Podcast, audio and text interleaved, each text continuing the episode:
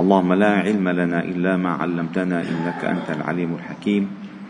علمنا اللهم ما ينفعنا وانفعنا بما علمتنا وزدنا علما. واجعلنا ممن يستمعون القول فيتبعون أحسنه. وأدخلنا برحمتك في عبادك الصالحين. وبعد. فلا نزال معكم أيها الأحباب الكرام في مجالس سورة الكهف من فجر كل يوم جمعة. وقد وقفنا عند أواخر آيات سورة الكهف التي تلخص تلخص مقاصد سورة الكهف من أولها إلى آخرها. فقلت لكم في المجلس السابق معنى قوله تعالى إن الذين آمنوا وعملوا الصالحات كانت لهم جنات الفردوس نزلا خالدين فيها. لا يبغون عنها حولا. هذه نهاية سعيدة للعاملين المؤمنين. فلا يصح عمل بلا إيمان. لا يصح عمل بلا إيمان. كما لا يصح إيمان بلا عمل. فآمنوا وعملوا. إذ أن العمل هو تصديق الإيمان. العمل هو الترجمة العملية للإيمان.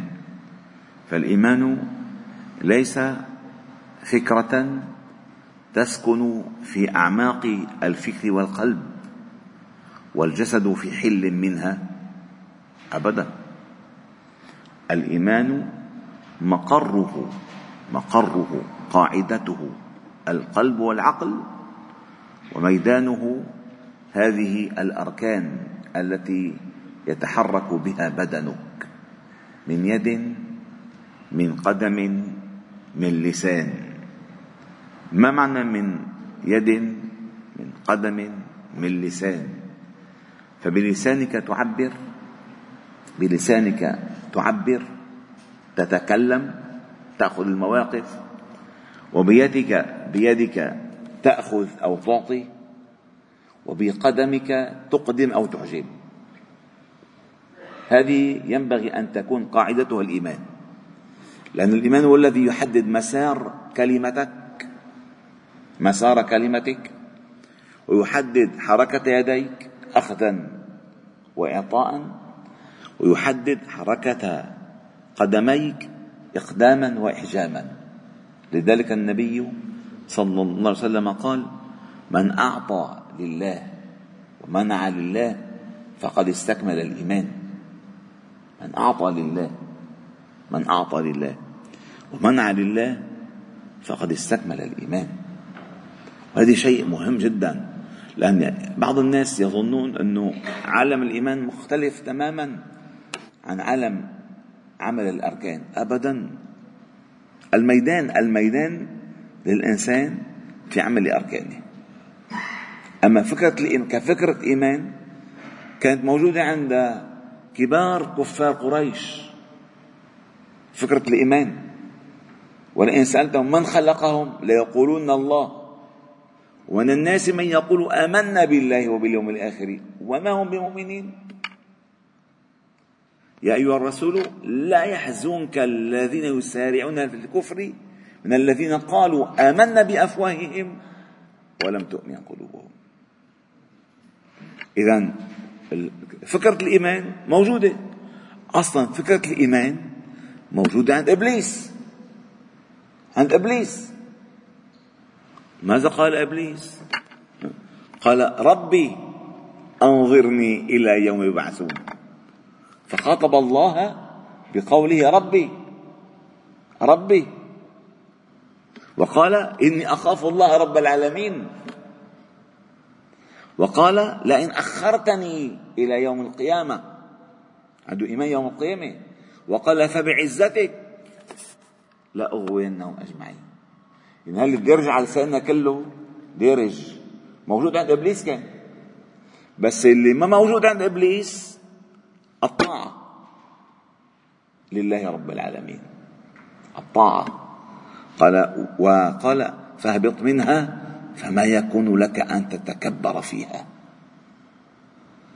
يا إبليس ما منعك أن تسجد إذ أمرتك؟ هذا هذا ما موجود. فإذا الكلام ما يقدم ولا باخير هنا الله تعالى قال إن الذين آمنوا بالصالحات كانت لهم جنات الفردوس نزلا خالدين فيها. لا يبغون عنها حولا أي لا يطلبون غيرها. ثم قال آية هائلة. تكرر مثلها في سورة لقمان بمعنى آخر. قال قل لو كان البحر مدادا لكلمات ربي لنفد البحر قبل أن تنفد كلمات ربي ولو جئنا بمثله مددا. اسمها هذه آية العظمة. آية العظمة. وكلمات الله هي أقداره وأفعاله في خلقه وتقاديره في هذا الكون. والله جل جلاله أول ما خلق خلق خلق القلم فقال اكتب فكتب مقادير كل شيء. طيب هذه كلماته. وتمت كلمات ربك صدقا وعدلا. فقال قل لو كان البحر هذه لو أنه لو احتمال لو كان البحر مدادا للقلم الذي يكتب كلمات ربي تقادير الخلق قبل وقوعها أقضية الله على الناس قبل حدوثها لو كان البحر هو الحبر. الحبر تعرفوا الحبر شو هو؟ لو كان البحر هو الحبر لقلم كلمات ربي المكتوبة لنفد البحر. لنفد البحر. قبل أن تنفد كلمات ربي ولو جئنا بمثله ما قال بحرا مددا من البحور. مددا من البحور. الآية في سورة لقمان أوضحت معنى آخر في هذا المعنى. قال ولو أن ما في الأرض من شجرة أقلام. ليش قلنا القلم؟ لأن هون ربنا قال في سورة لقمان الأقلام. لو ولو أن ما في الأرض من شجرة أقلام. يعني قد في الأرض شجر؟ لو كل هذه الشجر صنع منها أقلام. تخيل أنت الشجرة شجرة شوفها في شجر طوله خمسين متر. شايفون أنت ما شايفون؟ شيء بفزع؟ كم قلم بيطلعوا؟ هذا هذا القلم رصاص. هذا قلم رصاص. تخيل أنت الشجرة يلي قطرة قد العمود وطولها خمسين متر كم قلم تطلع آه لو أن ما في الأرض من شجرتين من شجرتين. صنعت منها أقلام. أه؟ ولو أن ما في الأرض من شجر أقلام. طيب هذا القلم القلم بده ليكتب كان ما في رصاص كان له ريشة من فوق. هيك رأس بيغطسوه بالحبر وبيكتبوه فهذه الشجر اللي صنع من أقلام نعم. والبحر يمده. أي يمد الأقلام؟ من بعده سبعة أبحر يعني بحر وناطرين خلفه سبع ستارات بحوري أه؟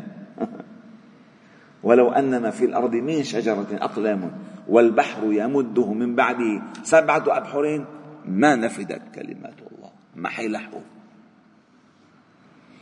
الله أكبر. إن الله عزيز حكيم. الله. هذه قدرة إلهية عظمة عظمة عظمة. شوفوا ما جمال الآيتين أو هاتين الآيتين. ما أجملهم قل لو كان البحر مدادا لكلمات ربي لنفد البحر قبل أن تنفد كلمات ربي. ولو جئنا بمثله مددا. ولو أن ما في الأرض من شجرة أقلام. والبحر يمده من بعده سبعة أبحر. ما نفدت كلمات الله. إن الله عزيز حكيم. ما خلقكم ولا بعثكم إلا كنفس واحدة. إن الله سميع بصير. فختمت هذه السورة بهذه الآيات كي تعلم أن ما حصل مع أصحاب الكهف وما حصل مع أصحاب الجنتين صاحب الجنتين وصاحبه وما حصل مع موسى عليه السلام والعبد الصالح وما حصل مع الملك ذي القرنين. كل ذلك من كلمات الله. أم حسبت أن أصحاب الكهف كانوا من آياتنا عجبا؟ أي حسبت أن أصحاب الكهف أعجب آياتنا؟ هناك العجب الكثير مما خلق الله. عظمة عظمة. هذه اسمها آيات العظمة. قل لو كان البحر مدادا لكلمات ربي لنفذ البحر قبل أن تنفذ كلمات ربي. ولو جئنا بمثله مددا والحمد لله رب العالمين. سبحانك وبحمدك. أشهد أن لا إله إلا أنت. نستغفر ونتوب إليك. صلي وسلم وبارك على محمد وعلى آله وأصحابه أجمعين. والحمد لله رب العالمين.